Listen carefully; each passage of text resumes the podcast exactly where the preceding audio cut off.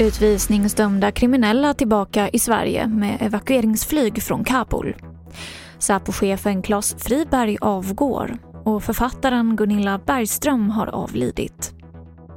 TV4-nyheterna börjar med att samtidigt som fler än 900 personer med koppling till Sverige har evakuerats från Afghanistan och flygplatsen i Kabul så har två personer hemmahörande i Afghanistan och som har utvisats från Sverige av domstol kommit tillbaka på ett flyg till Arlanda.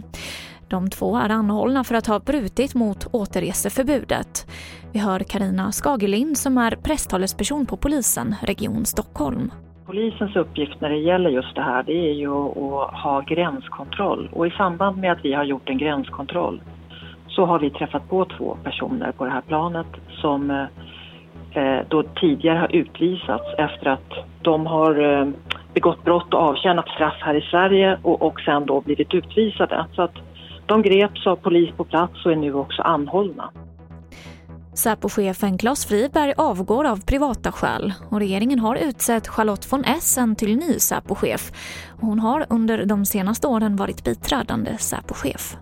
Det är både med stolthet och med ödmjukhet som jag har tackat ja till att bli ny säkerhetspolischef från den 1 oktober. Det är ett fantastiskt uppdrag men samtidigt utmanande givet det säkerhetsläge som vi befinner oss i. Personer med nedsatt immunförsvar bör få en tredje dos vaccin mot covid-19 redan i september. Det här säger statsepidemiologen Anders Tegnell. Det handlar om minst 40 000 personer, bland annat patienter som är organtransplanterade och de med immunbristsjukdomar. Och en del menar att hela befolkningen borde få en tredje dos, men det är inte aktuellt än, menar Tegnell. Och vi avslutar med att författaren och illustratören Gunilla Bergström är död. Hon skrev bland annat böckerna om Alfons Åberg. Gunilla Bergström avled i sitt hem efter en tids sjukdom och blev 79 år gammal.